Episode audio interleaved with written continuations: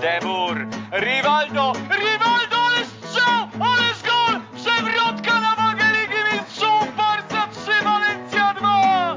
Szewczenko czy Dudek nie patrzy na Polaka Szewczenko, Szewczenko broni Dudek! Puchar Europy dla Liverpoolu! I co? I to jest czerwona kartka dla Zinedina Zidana! Francja w dziesiątkę! Kiedyś to było. Dzień dobry, dzień dobry. Kiedyś to było, melduje się na antenie Weszło FM z kolejną piłkarską podróżą w czasie. Przed mikrofonem Kamil Kania. Kłaniam się już na wstępie, witam moich zacnych gości.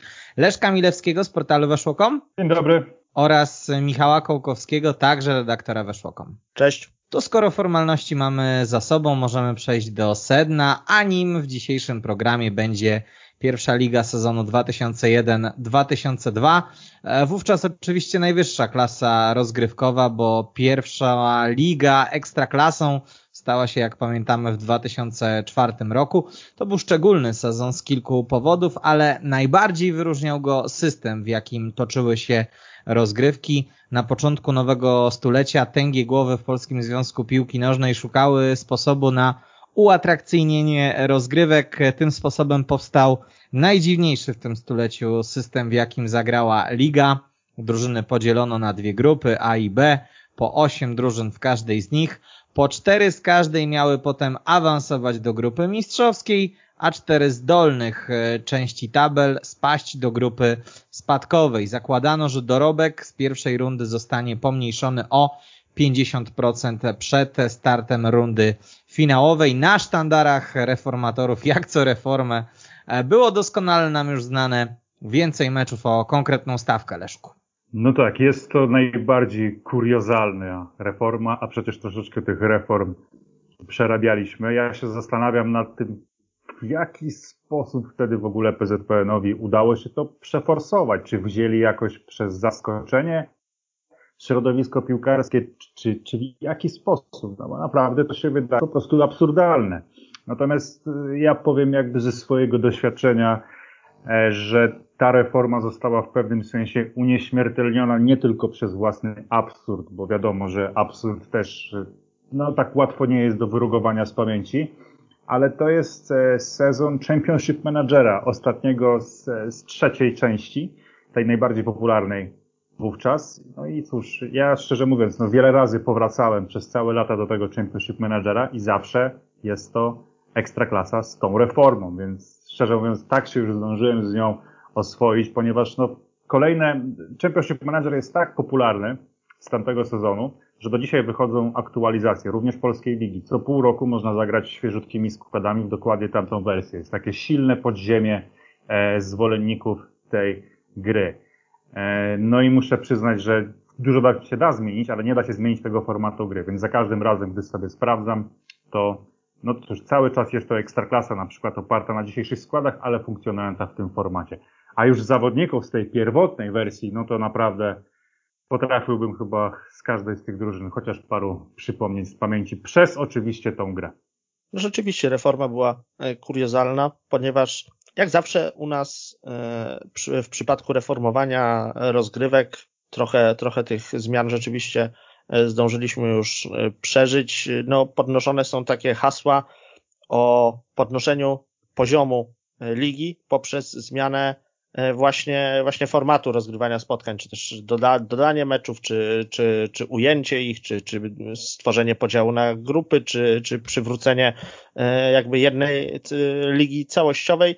Te, te szczytne hasła, one są trochę, e, trochę zawsze takie, takie kuriozalne, ponieważ tak naprawdę ta korelacja pomiędzy formatem rozgrywek a, a poziomem polskiego piłkarstwa, no, no ona nie występuje po prostu. Na przykład jak ostatnio E, czytałem sobie doniesienia z Beneluxu, gdzie Belgowie i Holendrzy planują połączenie swoich lig, no to tam jasno podnoszone są argumenty po prostu finansowe, że będzie to e, korzystne, ponieważ prawa telewizyjne będzie można korzystniej e, sprzedać i, i stworzyć ciekawszy produkt, który gdzieś tam rzuci wyzwanie lidze francuskiej jako tej lidze numer e, numer 5 na starym kontynencie ja taką argumentację rozumiem, przyjmuję, no to jest jakiś powód do e, przeprowadzenia reformy rozgrywek. Natomiast w Polsce zawsze, zawsze sobie przypominam te takie właśnie szumne hasła o podnoszeniu poziomu, o tych meczach o stawkę. Czasami nawet pamiętam, że rozszerzenie liczby spotkań miało pomagać polskim klubom rzekomo w europejskich pucharach, bo gdzieś ten sezon się będzie szybciej zaczynał i okresy przygotowawcze się przesuną. No, E, kompletnie nie ma to, to żadnego przełożenia. E, w zasadzie można się nawet zastanawiać, czy, czy SA37 przypadkiem nie jakoś tutaj nie, nie połączyła się z tym, że gorzej nasze kluby zaczęły sobie na europejskim podwórku radzić, ale tak jak mówię, w ogóle bym tego, e, tego nie łączył i na te, na te szumne, szumne zapowiedzi i, i szczytne, szczytne cele przymykał totalnie oko. E, no ale sam to, co wymyślono w 2001 roku, czy też może wymyślono trochę wcześniej, ale przeforsowano w 2001 roku ten podział, e, no przede wszystkim na, na te grupy A i B, bo to, że potem wywiązała się z tego wszystkiego grupa mistrzowska i spadkowa, no to to jest okej, okay, to jest, e, to ma sens i, i jest to, znamy to też ze współczesnych czasów, nie tylko z Polski, z wielu innych europejskich rozgrywek. E, natomiast ten, ten poziom na grupy A i B i pozbawienie też, też wielu, wielu klubów możliwości rywalizowania ze sobą w trakcie sezonu w ogóle, e, na przykład Legia Warszawa i Widzew Łódź trafiły do osobnych grup, no i nie można było po prostu rozegrać jednego z największych ligowych klasyków e, tamtych lat, no bo tak, no bo, no bo takie były, takie były grupy A i B, natomiast inne zespoły w myśl tego, tego układu, układu tabel grały ze sobą po cztery mecze e, w rozgrywkach, chociaż nie były to nawet w połowie tak ekscytujące rywalizacje, no jak właśnie wspomniana przeze, przeze mnie Legii z Widzewem. Nie trzymało się to e, kupy, e, no i, i trudno się dziwić, że, że szczególnie długo ta reforma nie przetrwała, aczkolwiek tak jak tutaj wspominał Leszek, również mnie dziwi, że ona w ogóle została przeforsowana. No być może to był okres takiego chaosu w polskiej piłce, że nawet y, najbardziej odrealnione pomysły można było jakimś psim swędem wcielić w życie. Ja tylko dodam tutaj jako widzewiak, że rzeczywiście utkwiło mi to w pamięć, że widzę wtedy no, miał fatalny skład i jednym z niewielu takich e, promyków, o których myślało się przed sezonem, że zawsze jednak będzie ta rywalizacja z Legią. A ona nawet, gdy Widzew jest słaby, no to budowała pewne emocje. I tutaj jakby przez samą reformę klub został tego pozbawiony. Więc myślę, że już w momencie losowania tych grup, czy tam przydzielenia ich, bo to chyba na tej zasadzie się odbywało, było jasne, jak ona jest poroniona, skoro masz taki kapitał, jak możliwość rozegrania meczu Widzę Legia, o którym będzie głośno w Polsce i przez reformę z niego rezygnujesz, do niego nie dojdzie. Do ligi przed startem tego wspominanego przez nas sezonu dołączyły RKS Radomsko i Krzo Ostrowiec Świętokrzyski. Ci pierwsi z miasta położonego 40 km od Częstochowy byli absolutnym beniaminkiem i na najwyższym poziomie utrzymali się zaledwie przez sezon, choć właściciel Tadeusz Dąbrowski działał niezwykle prężnie i ściągnął do klubu Igora Sypniewskiego, Pawła Sobczaka, Adama Matyska czy Olgierda Moskalewicza. Obaj beniaminkowie trafili oczywiście do innych grup. Podobnie rozdzielono mistrza, czyli Wisłę Kraków i wicemistrza Polski Pogoń Szczecin. Znaczy, szczególnie dla mnie jakby jest bliska postać Tadeusza Dąbrowskiego, gdyż e, mieszkam niedaleko tych jego rewirów. I no nie da się ukryć, że legendy o tym, jak bardzo zaangażowany był Tadeusz Dąbrowski w ten klub, no, są wręcz e, na osobną książkę. Oczywiście wiadomo, jakie to były czasy. Wiadomo, że mówiło się o niektórych sezonach w niższych poziomach, że Tadeusz Dąbrowski, gdy drużynie nie szło, potrafił sięgnąć do kieszeni i niekoniecznie tych pieniędzy użyć w takim celu, by zmotywować swoją drużynę, tylko później pewne różne rzeczy wynikały. Czy należy go za to e, odsądzać od czci i wiary? No cóż, pamiętamy, że gdybyśmy mieli odsądzać od czci i wiary za to, to musielibyśmy w zasadzie wymazać z polskiej piłki dwie dekady e, futbolu ligowego. Co jest natomiast rzeczywiście intrygujące, to jak wielkie ambicje miał Tadeusz Dąbrowski na zrobienie futbolu w Radomsku. To jest generalnie niespełniony talent piłkarski, człowiek troszeczkę jak Mirosław Stasiak, który miał wielkie ambicje osobiste, żeby być gwiazdą piłki, natomiast na boisku nie wyszło, więc próbował e, poprzez, poprzez budowę klubu.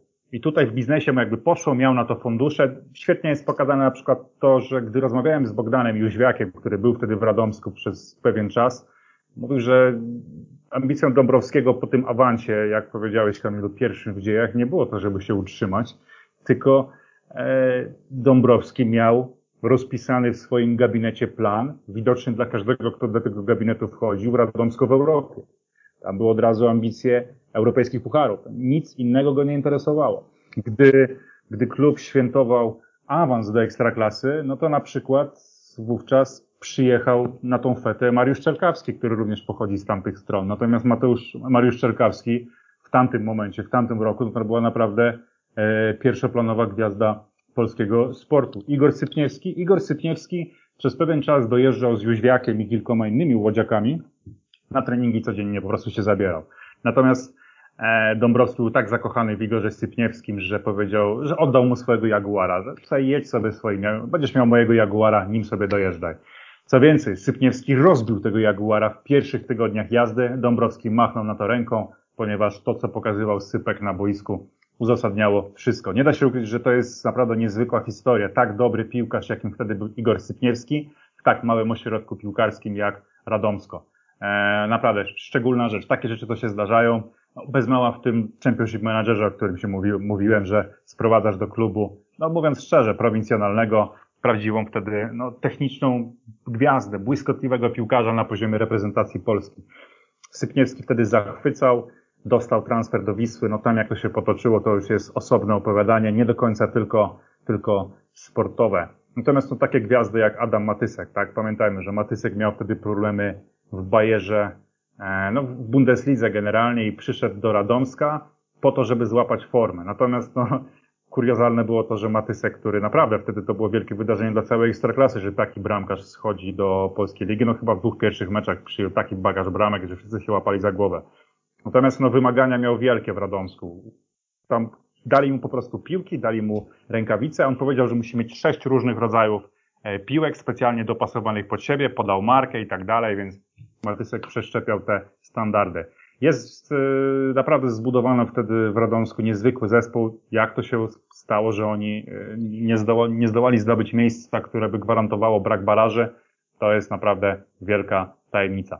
Krzo Ostrowiec natomiast kojarzy mi się przede wszystkim ze wspaniałymi trybunami, bo trzeba przyznać, że w Ostrowcu żyli futbolem. Nie było tam takich warunków finansowych jak choćby w Radomsku, ale też były niezłe, też miasto potrafiło się zmobilizować. Rozmawiałem swego czasu z Michałem Wróblem, który jest taką no, legendą klubową, wtedy może nie odgrywał pierwszoplanowej roli, bo, natomiast był przy tej drużynie i mówił, że, że tak powiem, nawet o żonę było łatwiej, jak grałeś w Krzo Ostrowiec.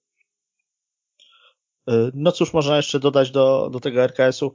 Na pewno pewnym fenomenem takim radomskiego klubu było to, że kiedy oni jeszcze walczyli o awans do ekstraklasy, czy też ówczesnej e, pierwszej ligi, e, to, to posiadali jednocześnie grającego trenera, czyli Piotra Mandrysza, znanego nam do dziś E, głównie z pierwszoligowych e, klubów, e, jak i grającego, no właśnie sponsora, wiceprezesa, bo i Tadeusz Dąbrowski tam się pchał na boisko, tak jak Leszek wspominał, on był takim niespełnionym talentem piłkarskim, może nawet trochę bardziej w swoim mniemaniu niż w rzeczywistości, no i te ambicje cały czas go gdzieś tam pchały, żeby się pojawiać na Ale na kuriozalne, Michale, nie, że nawet oni są z jednego regionu, tak blisko siebie, tych dwóch, Dąbrowski i Stasiak, prawie jakby toczyli wewnętrzny mecz, kto, kto to zrobił robi lepiej. To prawda, to prawda. Mają dużo takich y, cech wspólnych. Może to, to właśnie jak, jakaś y, tutaj regionalna e, zażyłość jest, jest tego powodem. E, no i, no i ten Dąbrowski w, już chyba miał, miał RK Radomsko miał awans zapewniony, wtedy i grało tak trochę prestiżowo z Krzo Ostrowiec Świętokrzyskim, no, kolejnym klubem, który awansował do, e, do pierwszej ligi i Dąbrowski sam siebie w zasadzie przy, przy pomocy trenera oddelegował wtedy na boisko, ale żalił się potem w wywiadach, że piłkarze mu nie podawali e, i nie mógł pokazać pełni swoich e, możliwości. No i z takich jeszcze ciekawostek, co, co sobie wynalazłem, to, to że pozyskano tam e, niejakiego Pawła Stalmacha z e, Unii Bieruń Stary, e, który dorobił się bardzo interesującego pseudonimu. Ja bardzo, lubię takie, takie pseudonimy nawiązujące do, do zagranicznych piłkarzy. No i rzeczony Paweł Stalmach był polskim giksem. No to trzeba przyznać, że fantazji ludziom w Radomsku nie brakowało. Jesienią rewelacyjnie spisywała się Odra Wodzisław. U siebie zdobyła komplet punktów, pokonując m.in. Wisłę Kraków, co e, w czasach e, wczesnego Cupiała nie było takie oczywiste. Remisu i trzech porażek doznała poza swoim obiektem, ale to wystarczyło, aby wygrać grupę A. W grupie B, zgodnie z przewidywaniami, bardzo dobrze radzili sobie zaś medaliści z poprzedniego sezonu. Wygrała Legia, drugie miejsce zajęła Pogoń przypadek Odry Wodzisław, który żył jeszcze lata po tym sezonie, wskazując, że no cóż, Mistrzostwa Polski nie zdobywasz jesienią. W zasadzie bardzo często możemy wskazać takie rewelacje jesienne sezonu, które gdzieś e, zdobywają mnóstwo punktów, prezentują formę absolutnie topową. Ich obecność e, na fotelu lidera, czy tuż za nim, po prostu nie jest przypadkowa ale tak jest poukładana piłka nożna. Myślę, że w DNA niektórych drużyn, nawet daleko wykraczając poza mentalność zawodników, jest to, że no jesień, jesień trochę wybacza. Jesień wybacza, wiosna już nie wybacza. Więc nie chcę deprecjonować w żaden sposób wyniku Odry Wodzisław, ale jest on w pewnym sensie symptomatyczny, że tak mocna drużyna jak wówczas Odra później no, gdzieś zgasła, gdzieś brakło tego paliwa i na te pierwsze miejsca wysforowali się ci, którzy mieli po prostu znacznie więcej prochu w arsenale. Nie da się natomiast ukryć, że drużyna tam była bardzo ciekawa i też, no cóż, sam fakt, że Paweł Sibik wtedy pojechał z tejże Odry Wodzisław na mundial też pokazuje pewną formę docenienia Odry i przez pryzmat tego Sibika, który zwykle jest pokazywany w zupełnie innych kontekstach, czyli no takiego niezrozumiałego powołania E, tego, że trzeba było wziąć, nie wiem, czy, czy Tomasza Iwana, czy Romana Dąbrowskiego, no też on pokazuje pewną prawdę o ówczesnej Odrze. E, drużyna była wtedy naprawdę świetna. Młody Marcin Nowacki już stawiał pierwsze, pierwsze mm, kroki swoje boiskowe. Marcin e, Radzewicz wówczas już też zaczynał dobrze wyglądać. Mm, Łukasz Sosin strzelał dużo bramek. Marek Saganowski tutaj wówczas występował i odbudowywał powoli swoją, swoją karierę. Także E, naprawdę ciekawy zespół, który nie miał papierów na jakieś europejskie puchary, no ale zrobił tutaj wyjątkowo, napisał swoją wyjątkową historię w tym sezonie. No zdecydowanie tak. Odra zawsze oczywiście będzie się kojarzyć też ze swoimi, swoimi e, cieszynkami, które gdzieś tam opracowywał świętej pamięci e, Piotr Rocki, czyli te, ten krakowiak z Wisłą, dyskobol z dyskobolią i tak dalej, i tak dalej. Mnóstwo było, to było, ta, no wnosili do tej ligi trochę folkloru, ale też no, piłkarską jakość, bo powiedzmy sobie szczerze, to jak oni w tej jeszcze za, w tej swojej grupie e, się spisali, to było, to było coś kapitalnego. 31 punktów to jest e, więcej niż, e, o trzy więcej niż zdobyła Wisła, ale też więcej niż zdobyła Legia, która była najlepszym zespołem e, w grupie B. E, mieli naj, najszczelniejszą defensywę e, w, w rozgrywkach, bardzo dobrą ofensywę, tam się, tam się naprawdę wszystko zgadzało i, i to był taki pokaz y, porządnej piłki w ich wykonaniu, abstrahując od, y, od y, tych, tych dodatkowych atrakcji, jakie ekipa z Wodzisławia e, Śląskiego wnosiła do, do rozgrywek. I myślę, że dzisiaj jak sobie e, porozmawiać z, z, tam, z gwiazdami tamtych czasów, czy to z Wisły, czy, e, czy z Legii, no to oni jednogłośnie będą twierdzić, że, że wyjazdy na Odrę no to były takie najbardziej chyba trudne, trudne dla nich doświadczenia e, w tamtych latach. E, nawet jeżeli to się trochę zaciera i tam trochę tych zwycięstw też odnosili w Wodzisławiu, to jednak ogólne wrażenie jest takie, że e, to był taki teren, gdzie, gdzie faworyt najprędzej mógł się, mógł się wyłożyć i mógł mieć jakąś bardzo, bardzo niewdzięczną e, przeprawę. No zwłaszcza myślę, że, że Wiślacy z tej epoki Cupiała e, tak e, dosyć, e, dosyć nieprzyjemnie wspominają swoje konfrontacje, głównie te wyjazdowe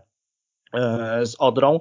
E, no i tak jak, tak jak Leszek tutaj, tutaj nadmienił trochę tych ciekawych zawodników tam się, tam się wtedy nazbierało, no i można powiedzieć, że, że aż trochę szkoda, iż to się w którymś momencie E, jednak posypało, ponieważ e, suma summarum, no, no trudno, e, to nie jest ten najbardziej udany sezon Odry w ekstraklasie, bo, bo zdarzyło im się zakończyć wcześniej na najniższym stopniu podium ligowe rozgrywki, natomiast tutaj w grupie mistrzowskiej już nie spisali się nawet w ułamku tak dobrze jak jeszcze przed E, przed tym takim, no nie wiem, czy podziałem można powiedzieć, no przed rundą finałową, tak, e, to, to jednak ten, ten regres w ich wykonaniu był, e, był bardzo, bardzo znaczący, choć jesień i, i ten ich rozmach na, na wielu polach, jaki zaprezentowali do dziś, to jest coś, co się z tego sezonu specyficznego pamięta.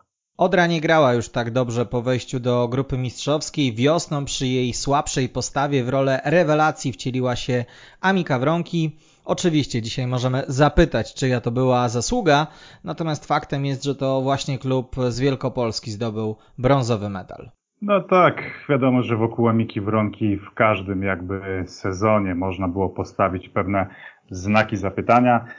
Natomiast nie da się ukryć, że tutaj akurat wtedy zebrał się też po prostu bardzo dobry skład, więc e, nie wiem, czy już wtedy nie było troszeczkę, że tak powiem, rozrzedzonych tych kontaktów e, z wiadomą postacią, ale jak spojrzymy na skład, no to to jest po prostu skład na takie wysokie miejsce, nie da się ukryć. Powracający Jacek Dębiński, który był wspaniałym technicznie piłkarzem, bardzo wielu zawodników, gdy robiliśmy wszelkiego rodzaju ankiety o najlepiej wyszkolonych graczach z tamtej epoki piłkarskiej, tudzież w ogóle najlepszych piłkarzach, wskazywało Jacka Dębińskiego, że ten talent jego, to jak potrafił uderzać, było czymś niesamowitym. W obronie miałeś Bieniuka i Bosackiego, którzy jeszcze przez całe lata później e, stanowili, no nawet ocierali się przecież o kadrę, a czasem nie tyle ocierali się, co odgrywali w niej jakąś rolę.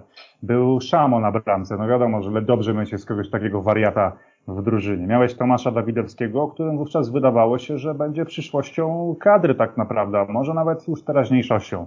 Zięciuk, Piskuła, solidne rezerwy i pamiętajmy, że cały czas tam już wówczas pracowała pełną parą e, ta, ta młodzież, która już powoli e, pukała do drzwi, bo na przykład już Marcin Burkhardt w tym sezonie debiutował i grał pierwsze mecze. Także tutaj masz tak, raczej wiadomo, że za Amiką zawsze się będzie ciągnął ten cień, ale wydaje mi się, że w tamtym sezonie po prostu nie było potrzeby specjalnie, specjalnie ingerować. To była dobra drużyna.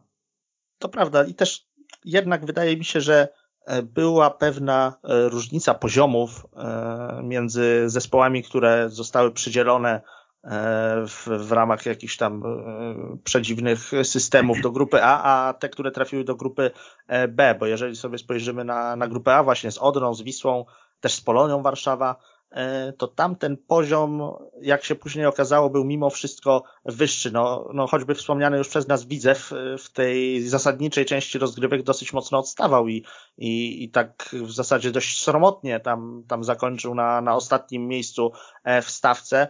E, a ostatecznie jednak, e, jednak utrzymanie wywalczył z dość e, dużym spokojem. Wiadomo też o jakich mówimy generalnie czasach w polskiej piłce, na wszelkie niespodzianki, na wszystkie wyniki trzeba, trzeba zawsze brać jakąś tam poprawkę. No ale co do zasady myślę, że czy to Amika, czy to też Ruch Chorzów, który, który przedostał się do, do grupy mistrzowskiej, no, mogłyby mieć większe problemy z tym, e, gdyby, gdyby wylądowały w grupie A. Zwłaszcza mam tu na myśli ruch, który, e, który wydaje mi się, że, że wtedy takim był zespołem trochę, trochę odstającym od, od towarzystwa, jeżeli chodzi o, o poziom e, gry. No i kolejny przykład to Pogoń Szczecin, tak? W grupie B drugie miejsce, a ostatecznie rywalizację w rundzie finałowej zakończyli na pozycji ostatniej. Do Widzewa, który też był jedną z rewelacji wiosny, to jeszcze wrócimy, to obiecuję. Grupę mistrzowską wygrała natomiast Legia Warszawa, która o punkt wyprzedziła Wisłę Kraków. Pod Wawelem krytykowano system, bo Legia w grupie zdobyła punkt mniej od Wiślaków, ale po podziale zaokrąglano w górę. Oddać trzeba jednak Legii, że była lepsza w bezpośrednich starciach, które najbardziej elektryzowały w tamtym czasie Polskę. W Warszawie wygrała 1 do 0, a w Krakowie padł remis. No i drużyna Dragomira Okuki na wiosnę nie doznała choćby jednej porażki. E, powrót na tron po siedmioletniej przerwie smakował więc stołecznym znakomicie, a triumf został zapewniony kolejkę przed końcem po bezbramkowym remisie z Odrą. No tak, to jest do dziś wspominana bardzo ciepło przez kibiców Legii yy, drużyna Dragomira Okuki. Myślę, że ciut mniej korzystnie wspominana przez niektórych piłkarzy Legii, no bo cóż, z kimkolwiek się rozmawia, no może nie z kimkolwiek, no bo każdy trener zawsze ma jakieś swoje wsparcie w szatni, tych, którymi na przykład bardzo mocno ufa i tych, którzy mniej, na których mniej stawia, to zwykle są do niego w opozycji.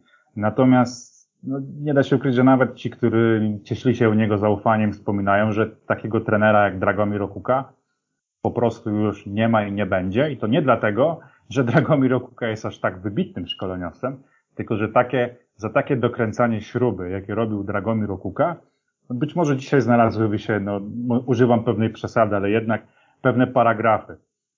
Gdy w zasadzie nie można było mieć kontuzji u, u Dragomira Okuki. Jeśli nie miałeś nogi w gipsie, to musiałeś biegać. Tak mi piłkarze wspominali niektórzy jego. Nie wiem na ile było w tym znowu pewnej kolorytu, pewnej przesady, no ale, ale tak było. Natomiast nie da się ukryć, drużyna Dragomira Okuki funkcjonowała. Miała swój styl.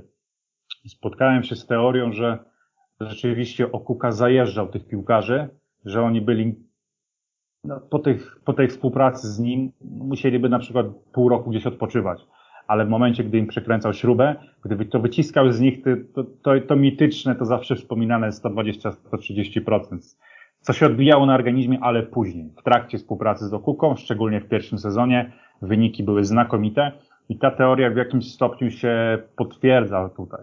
Wiadomo, że to wciąż była znakomita drużyna e, piłkarsko stojąca bardzo wysoko, Kucharski, Świetlica. Nawet sam fakt, ilu, ilu piłkarzy Legii ostatecznie pojechało na mundial i wyglądało tam bardzo dobrze, bo to przecież wspomniany Kucharski, czy, czy Murawski, czy nawet Jacek Zieliński. Więc rzeczywiście Dragomir Rukuka potrafił ich przygotować bardzo dobrze. Eee, miał kto strzelać, miał kto dogrywać. Bardzo solidna drużyna. My już chyba troszeczkę się odzwyczailiśmy od czasów, gdy dwie tak mocne drużyny, jaką wtedy stanowiła Legia i jaką wtedy stanowiła Wisła, walczą o tytuł. No bo Wiśle absolutnie nie można było wtedy odmówić niczego pod kątem ich potencjału. No to nawet pokazywały te wyniki pucharowe, tak? E, rywalizacja z Barceloną, do dzisiaj wspominana jakże ciepło, ten mecz u siebie niezwykły, czy e, sprawiła strzelanina. Później ten dwumecz z Interem Mediolan, gdzie również Inter można było, można było pokonać. Zdemolowanie Hajduka Split.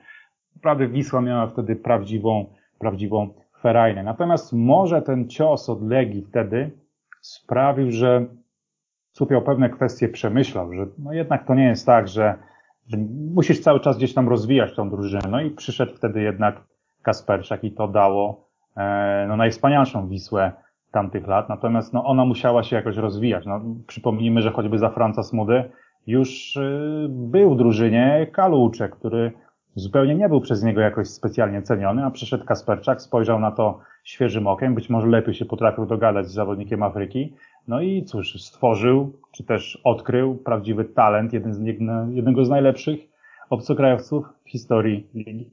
No tak, wydaje mi się, że generalnie Legia była taką zmorą Wisły, jeżeli chodzi o te bezpośrednie konfrontacje w erze Cupiała, ponieważ no, zapamiętujemy ten okres co do zasady jako dominację Białej Gwiazdy, ten początek e, bieżącego stulecia, natomiast e, w, w bezpośrednich meczach różnie to wyglądało. Oczywiście Wisła miała swoje e, wielkie zwycięstwa, ale na ogół to były takie, takie triumfy gdzieś tam wyszarpane, powiedzmy, wyniki typu 2 do 1 czy 1 do 0, natomiast Legii zdarzały się znacznie bardziej spektakularne triumfy nad rywalami z Krakowa. E, nawet jeżeli one suma summarum nie przekładały się na pozycję w lidze, czy, czy na, na sukcesy takie typu trofea, e, no to, no to miały swój wymiar prestiżowy i też pozwalały cały czas Wiślakom czuć ten oddech e, wartościowego rywala na karku, co, co myślę, że obie strony jakoś działało to rozwijająco, to znaczy Wisła cały czas czuła, że ma z kim przegrać wyścig o, o mistrzowski tytuł, natomiast Legia cały czas mogła do tej Wisły równać i, i, i też czuć z nią jakiś kontakt, widząc, że skoro, skoro jesteśmy w stanie ich pokonać w takim, na, będąc na, na tej samej murawie, no to może i w końcu nam się uda w, na przestrzeni całego sezonu okazać się lepszymi. No i w tym sezonie takim wyjątkowym rzeczywiście e, legioniści e, się z Wisłą uporali. E, minimalnie, bo minimalnie, faktycznie gdyby generalnie te punkty sumować, no to, no to Wisła byłaby lepsza, ale rozgrywki ułożyły się tak, jak się ułożyły i to jest ten główny, główny jakby powód, dla którego uważam, że, że piłkarze Białej Gwiazdy niekoniecznie mieli wtedy powody do, do narzekań, no że akurat w tych starciach bezpośrednich nie udało im się ani razu E, Legii e, pokonać, bo na wyjeździe e, przegrali 0 do 1 po bramce Bartosza Karwana, kolejnego reprezentanta Polski, któremu akurat nie udało się pojechać na Mistrzostwa Świata z powodu urazu. No a w Krakowie był wynik 1 do 1. Ta Legia Okuki rzeczywiście była dosyć dobrym zespołem, takim zbudowanym metodami już nie dzisiejszymi. No ale generalnie, jak sobie przypomnimy e, tamten okres jeszcze e, w piłce, e, może piłce polskiej, bo już pewnie, pewnie na zachodzie ta świadomość była dużo większa, trochę, trochę potrzebowaliśmy nadganiać pod wieloma względami silniejsze, silniejsze ligi, no to, no to przypominam sobie na przykład, kiedy, kiedy tłumaczono fenomen Odry Wodzisław, o którym wspominaliśmy, to między innymi taki padał argument, że klub podjął współpracę z fizjologiem i to podawano jako taką nowinkę, sensację. Proszę bardzo, jak oni to wymyślili. No dzisiaj, kiedy, kiedy już mamy taki poziom szczegółowości, to się wydaje wręcz e, zabawne, a wtedy takie podstawowe ruchy potrafiły robić różnicę na poziomie najwyższym rozgrywkowym w kraju. Michał trochę zagaił już e, temat, ale teraz e, troszeczkę więcej o Widzewie, który po zmianie rywali się odrodził. Łodzianie dołowali w grupie A, Zajęli tam ostatnie miejsce, ale w grupie spadkowej doznali zaledwie jednej porażki i zajęli drugie miejsce za plecami Górnika Zabrze. E, natomiast e, z ligą pożegnały się Stomil Olsztyn i Śląsk Wrocław. Czy, jeśli chodzi o Widzew, to to jest kolejna historia na jakieś absolutnie osobne opowiadanie, ponieważ to jest sezon dwóch Widzewów tak naprawdę. Pierwsza runda do pewnego stopnia to są jedne z najbiedniejszych czasów Widzewa. Widzę, generalnie wiele było biednych klubów w historii polskiej piłki w tamtym czasie, ale to, co się działo na przełomie wieków w Widzewie, to się nie mieści w głowie, gdyż nawet jak Widzew robił Ligę Mistrzów, no to jeździł jakimiś starymi autokarami, cały czas były długi, natomiast gdy skończyła się już ta era prosperity, europejskich pucharów, tego życia na kredyt, gdy wszyscy się na Widzewie poznali, tam nie było czego zbierać. I te pierwsze miesiące, no to było właśnie takie granie, jakie wówczas do pewnego stopnia po prostu było miarą organizacji w Widzewie, a raczej jej totalnego braku. Mniej więcej z tamtego okresu są takie historie, jak mm, Tomasz Łapiński opowiadał, gdy cały budżet Widzewa polegał na tym, że Andrzej Grajewski przyjeżdżał co jakiś czas do klubu i wypłacał każdemu tyle, ile, ile akurat mu się, ile akurat uznał, że zapłaci, tak. Mniej więcej z tamtego czasu są też historie, gdzie no, to jest akurat rok później, natomiast to są te same problemy finansowe, gdy Widzew flirtował z wizją fuzji z drużyną Mirosława Stasiaka, co wiemy jak brzmi to w zasadzie przyjęcie w siebie pewnego pasożyta i tylko wam zacytuję, że Widzew rozegrał wtedy sparring z ceramiką, a Mirosław Stasiak wspaniałomyślnie cały dochód ze sparingu ceramika Widzew przekazał na rzecz Widzewa, żeby Widzew miał za co zapłacić ZUS. Takie były wówczas problemy z Widzewa, że sparring z ceramiką był pewnym ratunkiem dla najpotrzebniejszych potrzeb klubu. Natomiast kwestia jest taka, że w tamtym sezonie, gdy Widzew już był absolutnie na równi pochyłej, staczał się, e, Maxwell Kalu wspominał, że przyszedł do klubu, bo mu sporo obiecano i absolutnie nie dostawał tych pieniędzy. Po prostu nie miał płacone, tak? Grał sobie w piłkę, cały czas mu tam obiecywali, nie miał płacone. Ale wtedy pojawiła się wizja tego, że do klubu wejdzie ITI. E, wręcz na koniec sezonu Widzewa trybuny śpiewały ITI jest nasz, tak jakby sprowadzano jakiegoś wspaniałego piłkarza. No nie da się ukryć. ITI wówczas było firmą, która miała zamiar zbudować e, wielki klub. ITI weszło ostatecznie w Legię. Wiadomo, że jest wspominane w Legii dosyć ambiwalentnie, ale nie można odmówić tego, że potrafili wyłożyć spore pieniądze. Widzew był nad finansową przepaścią, a tutaj była perspektywa tego, że po prostu te pieniądze będą. E, nawet jak spojrzymy drugą rundę, to, to już jest, są pieniądze jakby mające być może przekonać ITI do wejścia. E, być może już pewna zapowiedź. Dariusz Wdowczyk wówczas był jednym z najbardziej obiecujących polskich szkoleniowców. Absolutnie był kimś, e, o kim mówiło się, że przyszłość jest, należy do niego, przyszłość to reprezentacja Polski. Sprowadzono wtedy Arkadiusza Bąka, który był przecież ważną postacią dla Jerzego Engela. Bąk pojechał na mundial przecież. To jest ostatni widzewiak, który pojechał na mundial.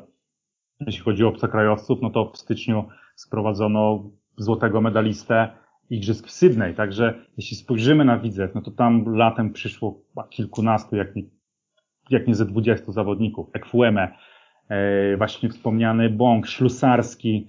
No, bardzo wiele takich postaci, które postaci w tej lidze znaczyły. Także ta drużyna musiała odpalić, bo wtedy już wiosną miała warunki na to, żeby grać po prostu dużo lepiej.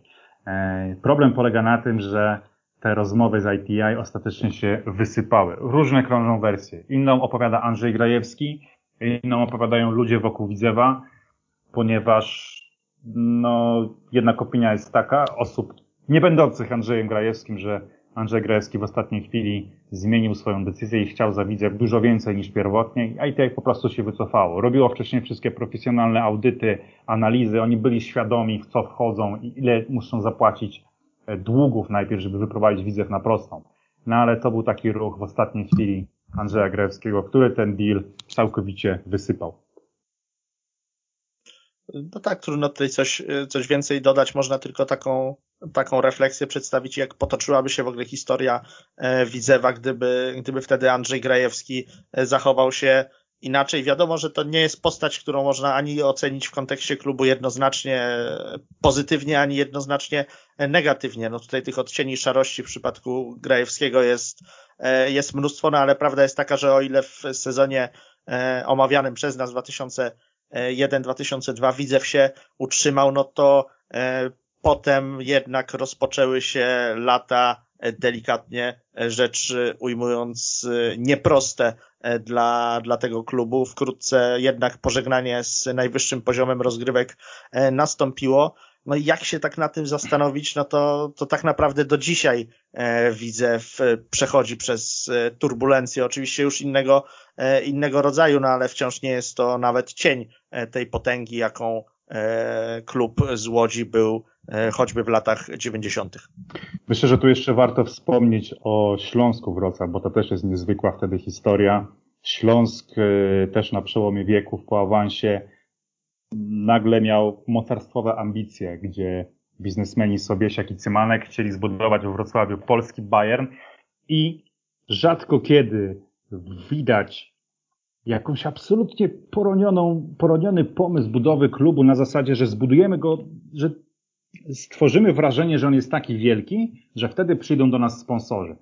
Ci dwaj biznesmeni racjonalizowali życie absolutnie ponad, y, ponad stan że to sprawi, że, że ludzie przyjdą. Było między innymi wtedy zatrudnienie Janusza Wójcika, był bardzo drogi transfer e, Piotra Wodarczyka, ale najbardziej to symbolizuje fakt, że w marcu 2001 roku Śląsk zaprosił do siebie Benfica Lizbona. Zapłacił jej kilkadziesiąt tysięcy euro. Benfica przywiozła no, rezerwowy skład, ale choćby z Manisze. I rzeczywiście przyjechała sobie Benfica do Wrocławia w marcu zagrać mecz sparingowy. Ten mecz obejrzało chyba ze 2000 ludzi. Cymanek z Sebysiakiem trąbili o niezwykłym sukcesie, a rok później już nie było w klubie tak naprawdę pieniędzy nawet na ciepłą wodę.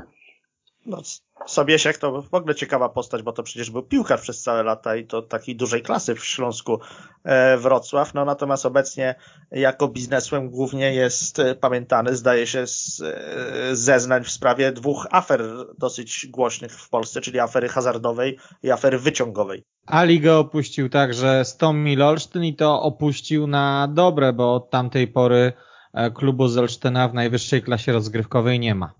Tak, a ciekawe jest, że ostatniego gola strzelił Grzegorz Lech w Ekstraklasie, czyli zawodnik, który jeszcze do bardzo niedawna biegał po boisku dla Stomilu. Sezon rozegrany w tym systemie zasługiwał na ciekawą puentę, a były nią baraże. Krzo obroniło się w dwumeczu z Górnikiem Łęczna, ale RKS Radomsko uległo Szczakowiance Jawożno. RKS walczył o utrzymanie ligowego bytu, złożył protest o występ nieuprawnionego zawodnika rywali, Branko Rashicia. E, PZPN proponował Radomszczanom trzeci mecz na neutralnym terenie, ale po nieprzystąpieniu do niego RKS Radomsko zostało zdegradowane, a do pierwszej ligi awansowała Szczakowianka. Po prawie roku od protestu ukarano Wiktorię Jawożno, z której Rashid został oficjalnie wypożyczony oraz Śląski Związek Piłki Nożnej. Winy Szczakowianki wówczas nikt się nie dopatrzył. Karma ma jednak to do siebie, że wraca. Raptem po roku Szczakowianki w najwyższej klasie rozgrywkowej już nie było. Zasadnicza kwestia jest taka, że Tadeusz Dąbrowski miał rację. No ja rozmawiałem z Branko Rasiciem i on przyznał, że no, nie no, ja grałem, no bo mi kazali. Ale to, to, to nic dziwnego, że Dąbrowski się zorientował, że nagle trzy kolejki przed końcem w klubie pojawia się zawodnik, strzela bramki i zostaje piłkarzem kolejki. Tam się nie zgadzały te papiery. Rasić nie miał prawa zagrać wówczas dla Szczekowianki, a zagrał. I rzeczywiście e, z punktu widzenia regulaminowego e, powinien być walkover. To sam mi przyznał Rasic, tak? Że on się, oni wtedy ukrywali Rasicia gdzieś tam było e, po hotelach jakieś, jakieś cudawianki prawdziwe. Natomiast rzeczywiście PZPN, no ujmijmy to wprost, nie kierował się tutaj specjalnie regulaminem, ponieważ gdyby spojrzał tylko w regulamin, to sprawa jest zero-jedynkowa. Nie ma szczekowianki, zostaje Radomsko.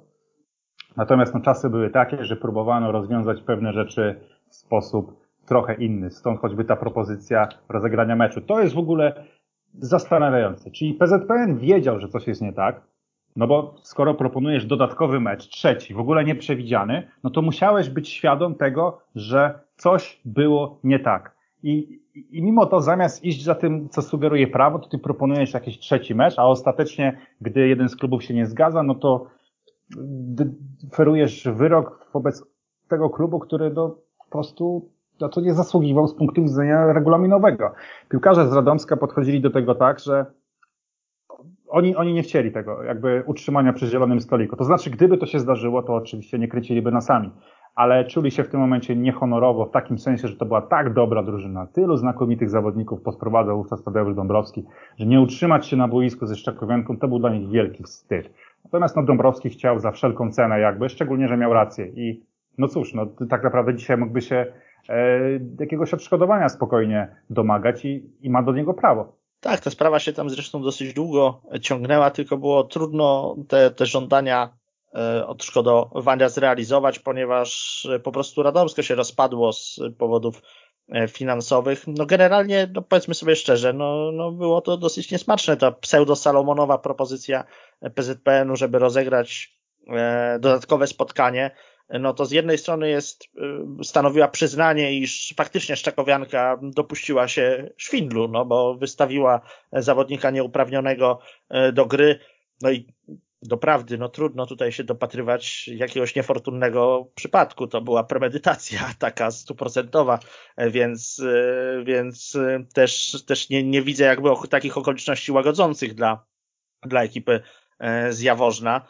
E, no PZPN przyznał, że, że faktycznie coś było nie tak, proponując rozegranie dodatkowego meczu, ale e, nie chciał jednocześnie przyznać walkowera, który, który przepisowo byłby w, w tych okolicznościach zwyczajnie uzasadniony i, i zupełnie mnie to nie dziwi, że, że Radomsko walczyło o swoje i że, że walczyło o swoje e, tyle lat, ale ostatecznie de facto nie, nie wyszarpało nic. I jeszcze pamiętam taką, taką wypowiedź wynalazłem Eugeniusza Kolatora, wiceprezesa PZPN przecież przez lata dosyć budzącą e, moje nieprzychylne uczucia, kiedy stwierdził, że taki jest urok sportu, błędy są wpisane w widowisko. No, doprawdy wydaje mi się, że chyba nie takie błędy są akurat wpisane w widowisko sportowe, jakie wtedy popełnił PZPN.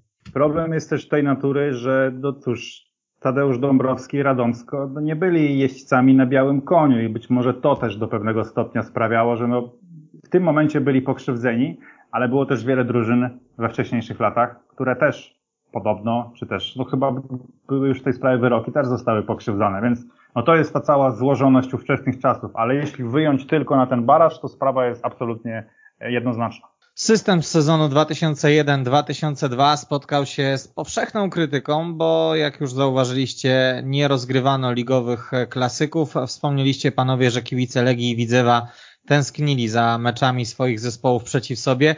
Paradoksem było to, że niektórzy nie grali ze sobą wcale, a niektórzy, jak Wisła Kraków i Odra Wodzisław przez rok, zmierzyli się aż czterokrotnie. E, z reformy wycofano się rakiem po raptem roku i mam nadzieję, panowie, że mamy konsensus, że wycofano się słusznie. Ale słuchajcie, możemy powiedzieć przewrotnie, że europejskie puchary po tym sezonie top. Naprawdę jedne z najlepszych e, w historii polskiego polskiej piłki XXI wieku. Z drugiej strony również ten sezon przygotował szereg piłkarzy ekstraklasowych na mundial i to lepiej oni wypadli ekstraklasowicze niż te gwiazdy zachodnich klubów. Więc oczywiście tutaj żartuję, natomiast to, to jest oczywiście zapewne czysty przypadek, no ale to żniwo zostało zebrane dosyć, e, dosyć szczególne w tamtym sezonie. Ja jeszcze pamiętam jedną historię z tamtego sezonu, ponieważ chyba mamy jeszcze troszkę czasu, żeby o niej porozmawiać. To są narodziny Groklinu Grodzisk, ponieważ mm, dyskobolia cały czas była postrzegana jako ktoś, kto jeśli nie spadł teraz, to za chwilę spadnie. Tam była do pewnego stopnia no, cały czas taka prowincjonalność. Zim i również tutaj jesienią Groklin no, wypadał fatalnie, by miał 15 punktów. No, znowu walka o spalek tak naprawdę. Zimą, to opowiadał mi Sebastian Mila, przyjechał wtedy Tomasz Wieszczycki do Grodziska. I to był jakby taki symbol, oho, będzie zupełnie inaczej. To jest zupełnie inny profil piłkarzy, ponieważ Wieszczu wtedy mógł sobie grać w dowolnej, dowolnym klubie e, Polski, a wybrał prowincjonalny Groklin. Faktycznie od tego transferu Wieszczyckiego wszystko zaczęło się gdzieś w Groklinie zmieniać, Wieszczu i zmieniał mentalność zawodników, tak jak Mili, którego wziął pod skrzydła, a którym wcześniej mówiło się, że on się rozwija, ale tylko finansowo w Grodzisku. Tak jak i no, piłkarze też inni zaczęli inaczej spoglądać na, e, na sam Grodzisk. Natomiast Wieszczu wtedy w Grodzisku w zasadzie na tych samych e, warunkach co trener. Drzymała z nim konsultował pewne rzeczy częściej niż ze szkoleniowcami. Ale to był taki e, kluczowy, kluczowy transfer na pewno tamtego sezonu, który miał pewne konsekwencje później wieloletnie. No tak i Dyskobolia rzeczywiście zaistniała potem na tej piłkarskiej mapie Polski, ale i pucharowej, co, e, co miało, miało swoją wartość i jest czymś, co, co wspominamy do, e, do dzisiaj. No, rzeczywiście dosyć ciekawe, jak ten sezon wpłynął na kolejne rozgrywki, czyli, czyli sezon 2002-03, ponieważ wówczas e, mieliśmy naprawdę mm, rywalizację o, o Mistrzostwo Polski wyniesioną na, na wysoki poziom, ponieważ piąta w tabeli Odra Wodzisław e, zgromadziła na, na dystansie 30 kolejek aż 56 e, punktów, co, co w minionym sezonie, czyli tym 2020-2021 w Ekstraklasie, no niemalże wystarczyłoby do, do wicemistrzostwa Polski. To, to był dorobek bardziej okazały niż, niż Pogoni Szczecin i, i minimalnie niższy niż Rakowa Częstochowa, no ale e, trudno też się tymi wszystkimi punktacjami ekscytować, e, mając świadomość, e, jak wiele spotkań E, z tamtego okresu e, wzięła pod lupę wrocławska prokuratura. Z przykrością muszę Państwu, a także moim zacnym interlokutorom obwieścić, że czas naszego programu dobiegł końca. Jeśli ktoś dołączył do nas w trakcie audycji, nic straconego, w całości z pewnością znajdą ją Państwo w naszym archiwum. A w kiedyś to było, wspominaliśmy dzisiaj w składzie Leszek Milewski, weszło.com. Dziękuję. Michał Kołkowski, weszło.com. Dziękuję. Oraz Kamil Kania, weszło FM, tak dla odmiany. Ja również dziękuję za uwagę i do usłyszenia. Kiedyś to było.